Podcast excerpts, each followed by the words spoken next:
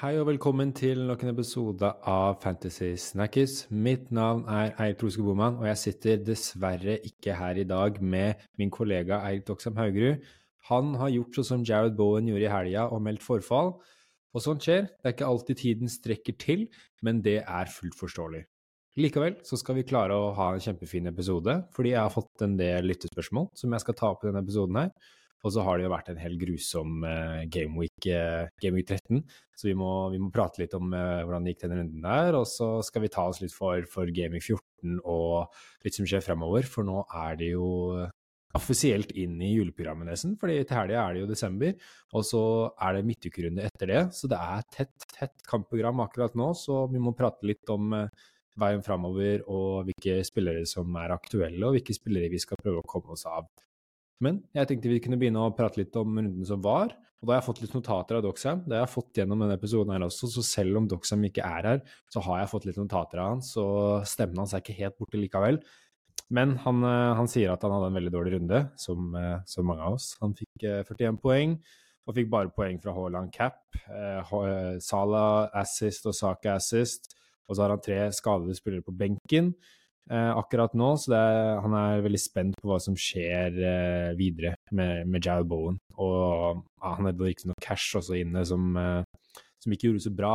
Han spilte jo bare 45 minutter og fikk gult kort, så alt i alt så hadde han en veldig, veldig, veldig negativ runde og har litt, har litt dilemmaer med skader og skader og sånt. Han endte jo opp med å ikke selge Jared Bowen og gamble på at han skulle spille, men det gjorde han jo dessverre ikke. Han, han måtte melde forfall eh, til den kampen, som, eh, som veldig mange, mange fikk, eh, fikk, oppleve at det ble en benk på han.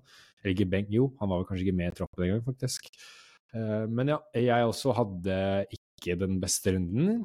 Fikk 43 poeng, så to poeng mer enn Doxham, så ikke så veldig mye mer enn det.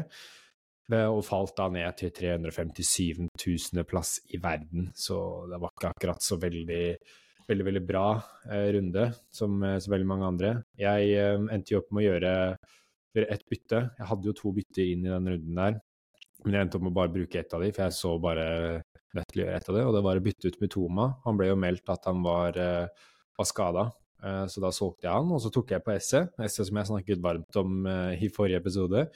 Og ja, det gikk ikke så, så veldig bra. Det, det ble skade etter 50 minutter og bytta ut, og ett poeng på SA, så gikk så bra. Eh, jeg skal i tillegg nevne at Doxham solgte også med Toma og tok inn eh, Mbuemo, som var det byttet han gjorde, da. Men ja, det var alt i alt ikke en veldig god runde. Fikk bare, fikk bare poeng på Haaland, eh, Watkins, Salah, Gabriel og Saka. Det er det som fikk return. Og så cappa jeg jo sånn, som jeg meldte i forrige episode, at det vil jeg gjøre, og den skal ikke spille et slags sånn, sånn uflakskort, for det er sånn det fungerer i, i, fotballen. Det er ikke alltid ting går inn, og det er ikke alltid man har flaks med hvordan ting fungerer. Og, men uh, Sånn hadde jo en vanvittig kamp. Han skapte sto, to store sjanser, og han skårte tre mål. Riktignok alle i offside, så det endte opp med å bli null poeng, eller ikke null poeng, da, men null returns fra han og en to poenger. Så det var veldig kjedelig å se at Tottenham hadde så mange sjanser i første omgang og dominerte den kampen så til de grader, og sånn kunne jo dratt fra den kampen der med en 15-20 poenger. Men det rakk meg å bli to poeng. Og det er sånn det fungerer. Det er ikke alltid statsa og XG og X eh, og expected assist gjelder, det er eh, Det må skje på banen, og det skjedde ikke på banen for, for sånne runder runde så det var jo litt, eh, litt, kjedelig å se. For jeg var jo egentlig veldig fornøyd etter lørdagen, når eh, Haaland fikk bare en scoring, og Salah fikk bare en assist, og Saka fikk bare en assist, så tenkte jeg yes, nå skal jeg kose meg med, med sånn på, på, søndag. Men det ble ikke noe av det, dessverre. Og så fikk Fambesaka en benk, så det er jo en stor sving der hvor jeg gjør der hvor jeg solgte Semikas og Fambesaka. Så blir han syk for nullpoenger, og nå er han benka for en énpoenger. Hadde jeg beholdt Semikas eller tatt inn Maguire, som det sto mellom, Maguire eller Fambesaka, så hadde det vært ganske stor sving med poengsum, så det er kjedelig å se at Fambesaka-byttet gikk så dårlig med. Men det, det kan vi, ikke, kan vi ikke gardere oss for. Det er sånt som skjer. Noen ganger så gjør man dårlige bytter, og det er Fambesaka verdt for meg. Men nok om Game Week 13. Jeg tenker vi kan, eh, kan, prate litt om eh, Game Week 14, som jeg sa. Vi har lyttespørsmål, vi har uh, temaer, vi har aktuelle spillere, vi har uaktuelle spillere. Vi har masse snadder i hoveddelen, så jeg tenker vi bare kan hoppe rett inn.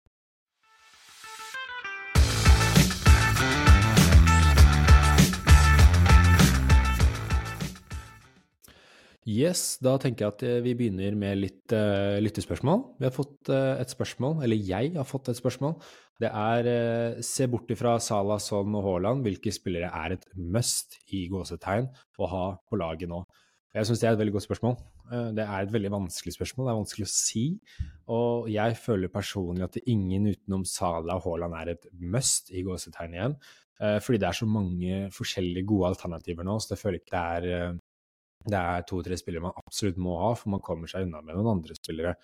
Også i tillegg så Det har jo kommet et slags templet, eh, for å si det på den måten, at disse spillerne er de man bør ha med seg nå, så jeg prøver å snakke litt om dem, da. Og og kan begynne med Arsenal, som er et lag mange, mange ser til nå. For når man ser til en spiller som er et must, som man må ha på Fantasy, så er det en spiller som er garantert spilletid, er i form og har fine kamper. Det føler jeg er de tre kriteriene man må ha for at man, i hvert fall i det programmet vi kommer inn i nå, som er en spiller som er et såkalt must. Og Arsenal så har vi jo Saka og Martinelli, men eh, de har vært så lite involvert i det siste, og jeg skal prate litt om de litt seinere. Og så har de jo Saliba Gabriel i forsvar. Er de den mest? Jeg veit ikke. Det er Saliba har blitt så dyr. Gabriel er litt rotasjonsutsatt, men jeg føler kanskje på forsvarsrekka så skal man ha én Arsenal-forsvarer. Det føler jeg kanskje er et must. da. Du bør da ha med deg en uh, til og med Tomiyasu som spiller mye nå, da, men en David Raja en, uh, i mål da, og en Saliba Gabriel. Det burde du ha med deg nå inn i det kampprogrammet. Det syns jeg er veldig viktig. Fordi Arsenal har såpass vinnende kamper og mulighet for clean shit, og de leder jo ligaen. Så man vil jo gjerne ha med seg et lag som spiller for et lag som leder ligaen. Men den, kanskje den største snakkisen akkurat nå, som ble lyst ut i forrige episode, er godeste Mbuemo han koster 7 millioner og eid av 26,9% og spiller for Brentford. Han uh, har nå Luton hjemme, og så har han Brentford borte, Sheffield United hjemme og Villa borte i de fire neste kampene. Og her tror jeg han kommer til å produsere mye målpoeng. Han skulle ha skåret nå mot, uh, mot Arsenal i helga, men der klarte han utrolig nok å bomme på åpen kasse, der hvor Ramsdale Eh, klarte å drite seg totalt ut, men så reddet uh, Rice han, uh, og var en reddende engel på linja der som gjorde at uh, Mboemo ikke skåret på den sjansen. Men der skal det være, være 1-0 til Brentford, og han skal ha en scoring. Men han ligger noe totalt på fjerdeplass på ECT-indeksen, som er en, en, sånn stats fra, fra, um, fra, Fantasy Premier League, og som innebærer Det er jo influence, creativity og threat, så det sier jo at de er mye involvert. Da, og at han er fjerde totalt der, betyr jo at han er veldig mye involvert. Og, og eh, jeg vil se kanskje som han som er den mest must offensive spilleren inn i det kampprogrammet de går inn nå, at uh, der tror jeg det kan være mye poeng å hente, og jeg tror det kan være kjedelig å ikke eie Mbuemo med tanke på at han har en såpass høy eierandel nå, helt opp på 27 som betyr at det er mange som kommer til å eie han, og det kommer til å være ekstra tøft å ikke eie, eie Boemo inn i det programmet. Så han er kanskje den eneste sammen med en Arsenal-forsvarer jeg føler er must å ha med seg inn i det eh, kampprogrammet vi har nå. Da tenker jeg boemo er jo ganske enkel å komme seg på. Han har riktignok gått opp nå til syv millioner, som sagt, men hvis man vil få bekvitt kvitt Bowen hvis han fortsatt er skada, så man ikke har solgt Mitoma, så kan man gå opp. Hvis man gjorde sånn som jeg og brente meg på en essay som skal vente og se på nyhetene der om han er skada eller ikke, men uh, hvis man har brent seg på SC, så kan man hvis man har penger, gå opp til en sammen med Diabi. Man kan gå opp til en. Eventuelt hvis man har noen i det høyere siktet der som man vil bli kvitt. Hvis man har lyst til å bli kvitt Martinelli f.eks., så kan man gå ned til en. Så det er en spiller som er veldig enkelt å komme seg på, og jeg anbefaler han eh, på det sterkeste i det kamprammet som kommer nå. Videre, det er jo uh, andre spillere som er attraktive nå, som jeg føler jeg vil prate litt om, og anbefale dere lyttere. Der tenker jeg vi skal ta en prat om uh, Monique Castle. Newcastle kommer fra en kjempeseier nå mot Chelsea, 4-1-seier. Uh, Chelsea var riktignok veldig veldig svake og fikk røde kort hele pakka, men uh, der, kom, der var Newcastle på, og så dro de med seg et uavgjort mot PSG i går kveld i Champions League. Det er jo et sterkt resultat. De ble riktignok kjørt ganske kraftig uh, på, på, slutten av den kampen, nei, i hele andre omgang egentlig.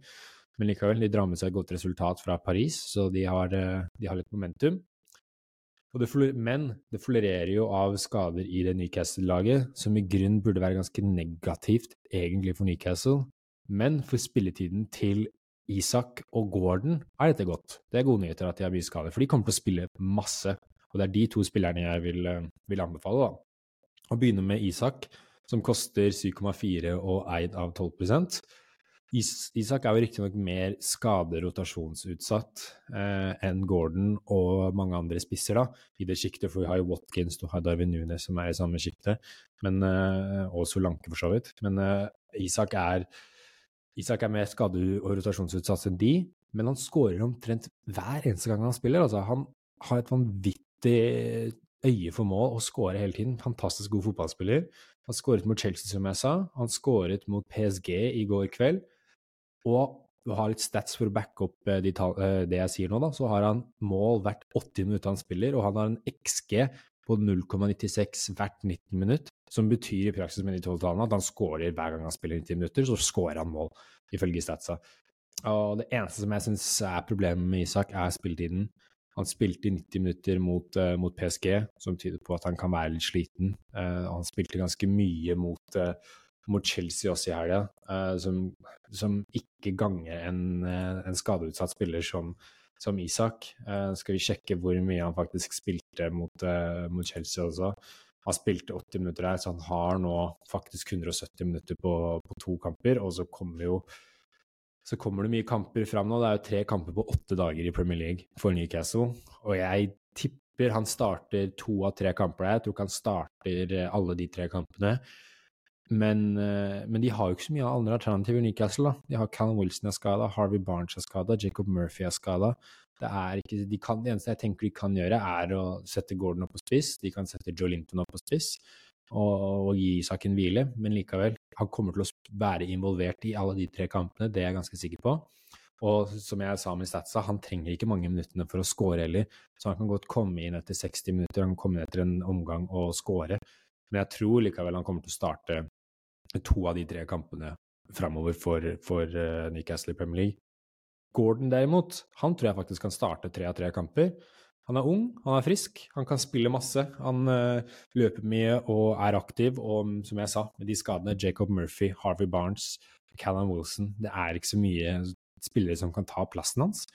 Da tror jeg han blir værende og vil spille veldig mye. Han koster kun 5,9 og eid av 13,7% så den, eh, den, øker. Og mm, han hadde scoring og assist mot Chelsea nå sist, og han er den spilleren som er mest transferred inn denne runden, så det er en spiller som er veldig hot. Det er veldig mange som har lyst til å komme seg på han, som er veldig forståelig, for han er såpass billig. Og han kan godt løse et problem som, eh, som folk med Metoma SA, da, som er det sjiktet som har to skada spillere, så kan han løse det problemet. Du kan til og med få litt penger da, og gå ned til eh, Anthony Gordon. Og um, Newcastle har jo egentlig for så vidt et ganske ålreit desemberprogram. Eh, de har noen Manchester United hjemme. Det er en kamp som jeg tror uh, Newcastle kan, uh, kan vinne og skåre mål, selv om de kanskje har litt sånn hangover fra, fra Paris-kampen. De har Everton borte, litt tøff kamp, men Newcastle bør jo vinne den, egentlig. Tottenham borte, tøff kamp, men så har de Fullheim hjemme, Luton borte og Nottingham Forest hjemme. Så det er et veldig fint desemberprogram for Newcastle, og det er, det er morsomt å komme seg på en Newcastle-spiller inn i det programmet. Det eneste som jeg er litt redd for for Newcastle, er at uh, de kan være litt kjørt, litt slitne pga. alle skadene og at de har så tynn stall nå. Så jo det mot Paris i går, at de, de så rimelig kjørt ut i går, og de spilte alle spillerne som starta kampen, spilte 90 minutter. De brukte ikke et eneste bytte. Det tyder på at Eddie Howe ser på benken sin, og han ser ikke så mange spillere han har lyst til å bytte inn.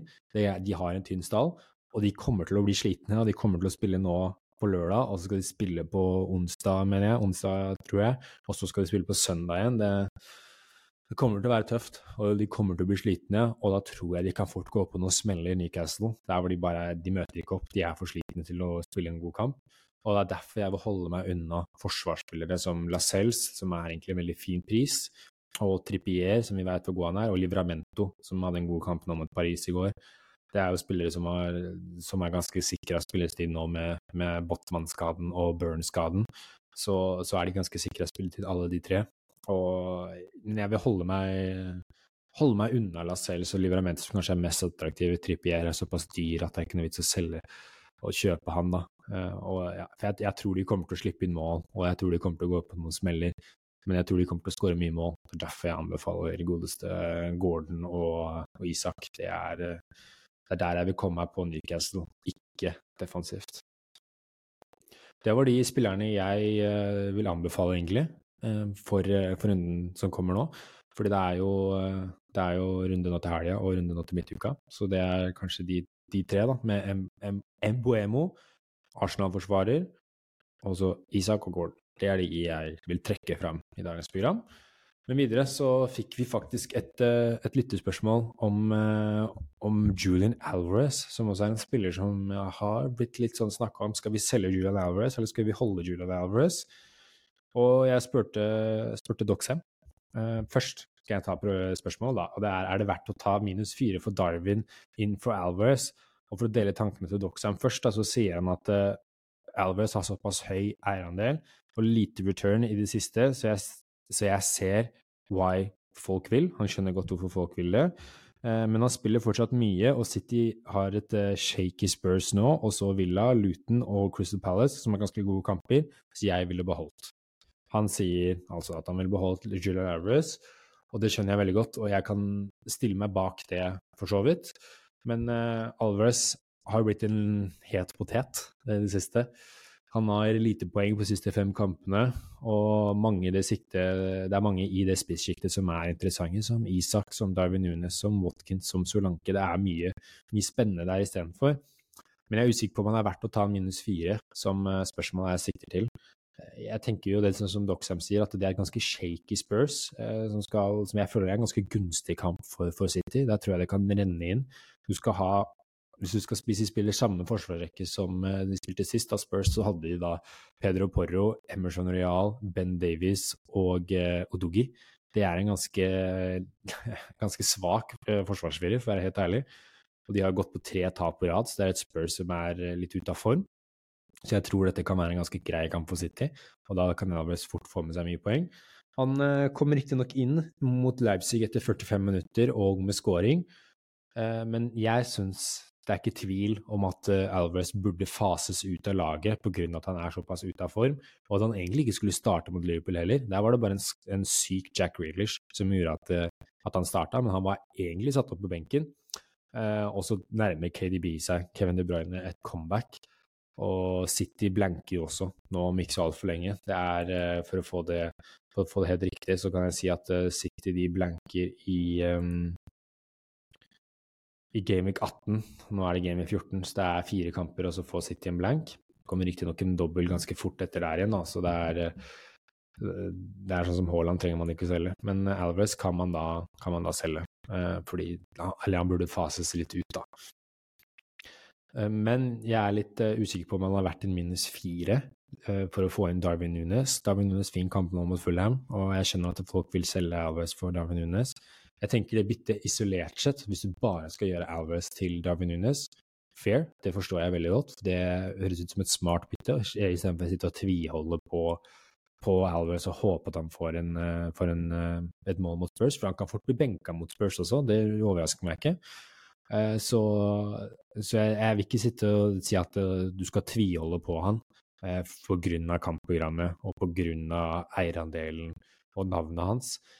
Men jeg vet ikke om han har vært minus fire. Da skal jeg tenke på det andre byttet. Dette føler jeg er litt sånn, det kommer an på hva det andre byttet ditt er. Hvis det andre byttet ditt er å selge Diaby for, uh, for Mbuemo og Alvarez til Darwin Nunes, kjempebra bytter. Eller hvis det er, men hvis det er um, å selge Saka til Mbuemo og så Alvarez til, til, um, til Nunes, da tenker jeg det er ikke da, da, da, holder det deg bare til å gjøre Alves til, til, uh, til Nunes. Så det er litt som vi kommer tilbake, uh, kommer tilbake til det vi snakket om, har snakket om gjennom sesongen. Da. At uh, jeg i hvert fall personlig har hatt lyst til å ikke være så, så fast bestemt på å holde på spillere pga. kampprogram og pga. navn, heller komme meg på disse spillerne som er i form. da.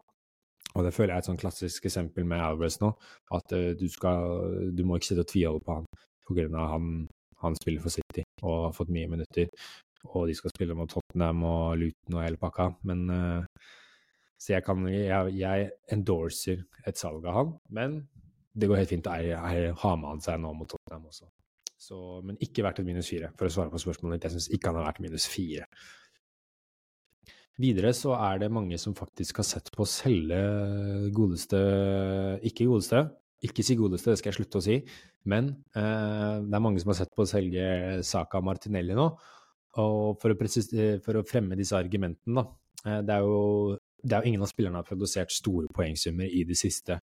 De spiller utrolig bredt for Arsenal.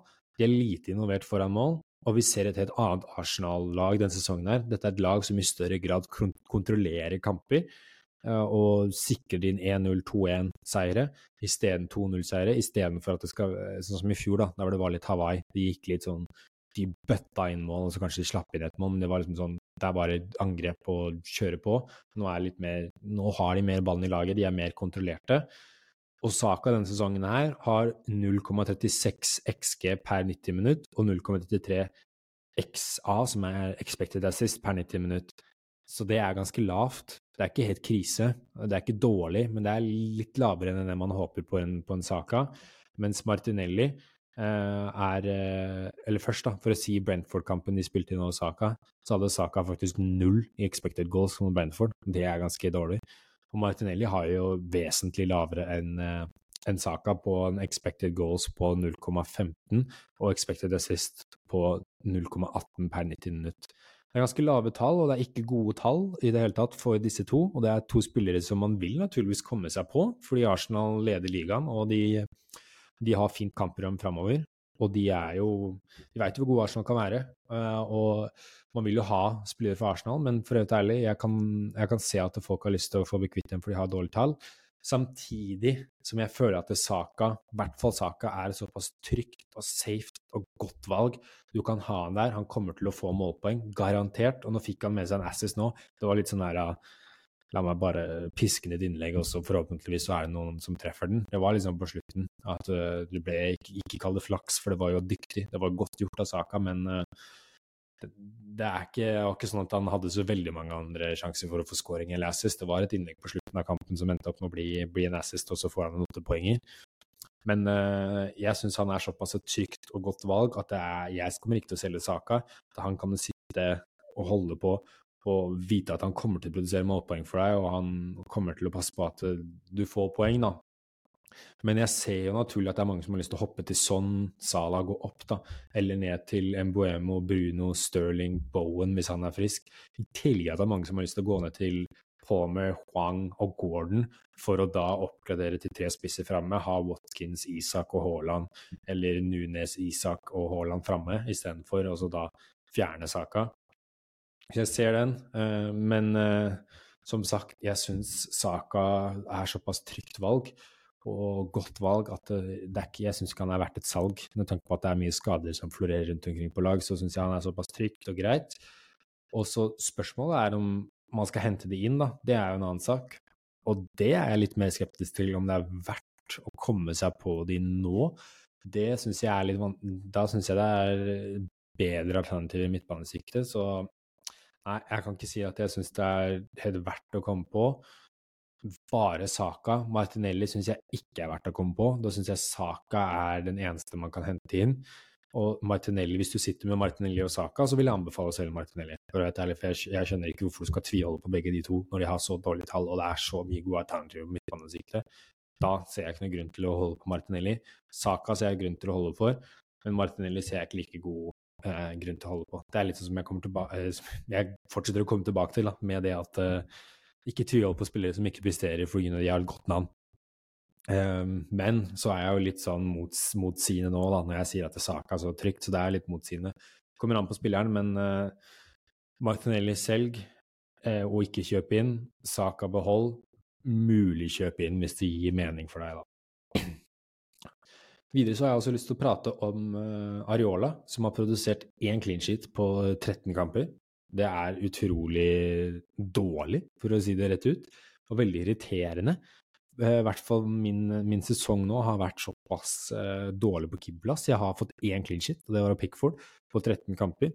Og jeg hadde jo det problemet, problemet med Pickford at han fikk ikke clean shit, så derfor hadde jeg lyst til å selge han til Areola. Og nå har jo Turner også slutta å spille kamper, så det er det er bare Areola, og han er såpass høyd eid også, og man sitter der, og så er det frustrerende å se at Areola mm, kun får, eh, skal vi si her, 3-2-1-3-1-1-6. det er rett og slett én, to, tre, fire, fem, seks kamper på rad uten clean sheet eller mer enn tre poeng. Men så går jo, går jo Westham inn i et fint program da, med Palace hjemme, Spurs borte, Fulham borte og Wolverhampton hjemme. Og han koster 4,3, så han er jo såpass billig keeper at du kan ikke forvente altfor mye med tanke på at han egentlig er en keeper som ikke skal spille, da, så han spiller. Men det er frustrerende, og jeg føler jeg taper liksom ut på mye poeng da, med å sitte og holde på, på en keeper som Mariola. Jeg ser ikke helt uh, poenget med å sitte der og holde på han for i all evigheten. Da vil jeg heller komme på en keeper som jeg veit henter de ekstra clean shit-poengene, da. Og nå, har det jo kanskje vært en, nå kommer det kanskje en skade med Alison. Den kan ikke jeg si noe på nå, for jeg veit ikke hva som har skjedd. Det har ikke kommet noen nyheter, men nå skal Liverpool spille i morgen. Så forhåpentligvis så sier Kloppen om skaden eh, på pressekonferanse i dag eller i morgen. Også, eller at han sier pressekonferanse på fredag før Premier League, om han er skada eller ikke, hvor lenge han er skada. Eh, men hvis han er skada, så er jo Kelleher til 3,9 en keeper som kommer til å spille for Liverpool, og det det, da tenker jeg det er bare å komme seg rett på. Da vil du ha en, uh, vil ha en spillende keeper til 3,9 for et Liverpool-lag som kommer til å holde, holde mye clean shit, forhåpentligvis. Da, da det gir det veldig mye mening. Hvis ikke så er det veldig fristende å gå opp til eh, Mark Flekken på Brentford, som har fint kampprogram, eller David Raja på Arsenal, som også har fint kampprogram. Hvis du ikke vil ha Saliba eller Gabriel, kan du smekke inn uh, David Raja-mål og, og, få med deg, få med deg noen clean shit, forhåpentligvis. Så, så har jeg nevnt uh, Areola også, for jeg kjente at han har blitt en uh, ganske irriterende nøtt for, for, mange, og ville bare få ut, få ut meningen min om han. Men ja, det, det var ukas hoveddel.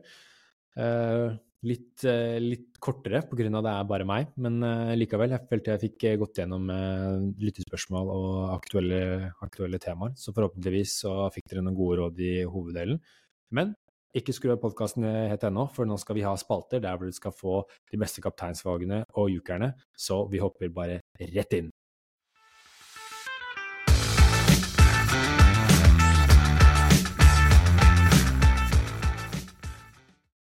Captain My Captain er uh, første spalten vår.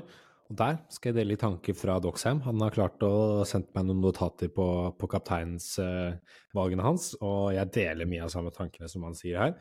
Det han sier, er jo at eh, Sala mot Fulham virker som et mye bedre valg enn Haaland, som har Tottenham.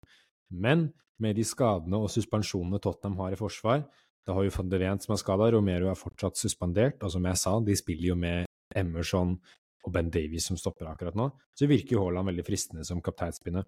Tottenham så jo ikke akkurat solide bakover ut, og, um, og uh, de har to ute, så det er et, uh, det er et tøft, tøft, kapteinsvalg med Haaland mot Salah. Og jeg føler veldig at det er, um, det er, det er det som er greia nå. Det er Salah eller Haaland i de fleste rundene. Men ja, som, som, jeg, som, han sier, og som jeg er enig i, at Haaland, nei, Salah har en veldig fin kamp hjemme mot Fulham. En utrolig fin kamp, og det gir veldig mening å bare putte bindet på, på, på Salah som spiller en hjemmekamp mot Fulham. Det, det, er veldig fristende, og det er det jeg heller meg mot. Men Haaland hjemme mot Tottenham, et skadeutsatt Tottenham, uff. Og han skal spille mot Emerson Royal og Ben Davies, ben Davies som stopper. Uff. Det lukter rått parti, altså. Det lukter stygt for Tottenham. Uh, men ja, vanskelig valg, men jeg er heller mot, eh, heller mot Sala uh, i denne, denne runden her. Uh, men uh, som Doxham også sier som et godt poeng, at det er kanskje mange som ikke kommer til å kapteine Haaland pga. den kampen. At de, de, tenker ikke helt at, at Tottenham er såpass skadeutsatt. De tenker heller at det er en tøff kamp, og da vil heller cappe Sala. Så kanskje det er en litt lavere effektiv ownership på, på Haaland. Men likevel, hvis man skal bare gå for det beste kapteinsvalget, så syns jeg Sala er det beste kapteinsvalget denne runden her. Da er det videre til eh, vår Joker-liga. Nå skal jeg prøve å ta eh, en introduksjon til den ligaen, eh, selv om dere som ikke er her. Men Joker-ligaen det er jo vår lille miniliga, der hvor vi gir dere de to beste jokervalgene for runden som kommer. Og så setter vi disse spillerne opp mot hverandre og putter dem mens som får mest poeng. Og så får vi da en totalsum, og så får vi en vinner til slutt da på slutten av sesongen. Og forrige runde så valgte jeg Adingra for Brighton, som skulle spille mot Nottingham Forest. De skåret tre mål, men Adingra var ikke involvert i noen av målene. Han spilte hele kampen og fikk ett poeng, så det var jo ikke så bra. Men Doxheim gjorde et uh, knakende godt valg med Mohammed Kodus, som fikk uh, to assist og ti poeng. Så det var uh, skikkelig storeslem på, på Doxheim forrige runde. Fikk, har nå totalt 49 poeng, og jeg har totalt 41 poeng. Uh, og han har sendt, seg, sendt um, sitt jokervalg til meg. Selv om jeg velger først, så jeg sendte han melding og sa, sa hvem jeg skulle velge, så valgte han etter det, da. Men uh, den jeg velger uh, som jokervalg, er faktisk en jokervalg jeg føler mange bør, uh, bør, se på og hente inn. Det er fra Brentford, et lag vi har pratet mye om. Brentford har veldig, veldig fine kamper framover, og det er rett og slett Vissa fra, fra Brentford jeg velger. Det er spissen deres. Han har Han koster 5,9. Grisebillig spiss har en eierandel på 8,6% og de har nå Luton hjemme, Brighton borte, Sheffield United eh, borte og Villa hjemme. Det sa jeg jo Stavshovet med Mbemo. Men Wissa har, eh, har en kjempefin eh, kampprogram og kan, han kommer til å spille mye med, alle, med Tony ute og med Kevin Skade ute. Så er det Vissa og Mbuemo som styrer sjappa på spiss. Så Vissa gode muligheter for mye poeng, og han er mitt jokervalg. Mens Doxheim har da valgt Jeremy Duku fra Manchester City. Duku hadde jo en liten uh, Han holdt på mye og var aktiv mot Liverpool i helga. Han er jo en helt rå dribler og virkelig god fotballspiller. Det var stressende å se på han spille mot Liverpool i helga. Og jeg skjønner hvorfor Doxia velger han. Han koster 6,7 og har en eierandel på 8,4% Veldig veldig artig valg og veldig veldig god joker. Jeg tror han kommer til å spille mye framover, for han har vært såpass rå og god i kampene han har spilt. Eh, så det venter bare litt på at eh, han skal få en skikkelig sånn målpoengutløsning. da. Eh, han hadde jo den mot Bournemouth der han fikk med seg fire assist og en scoring.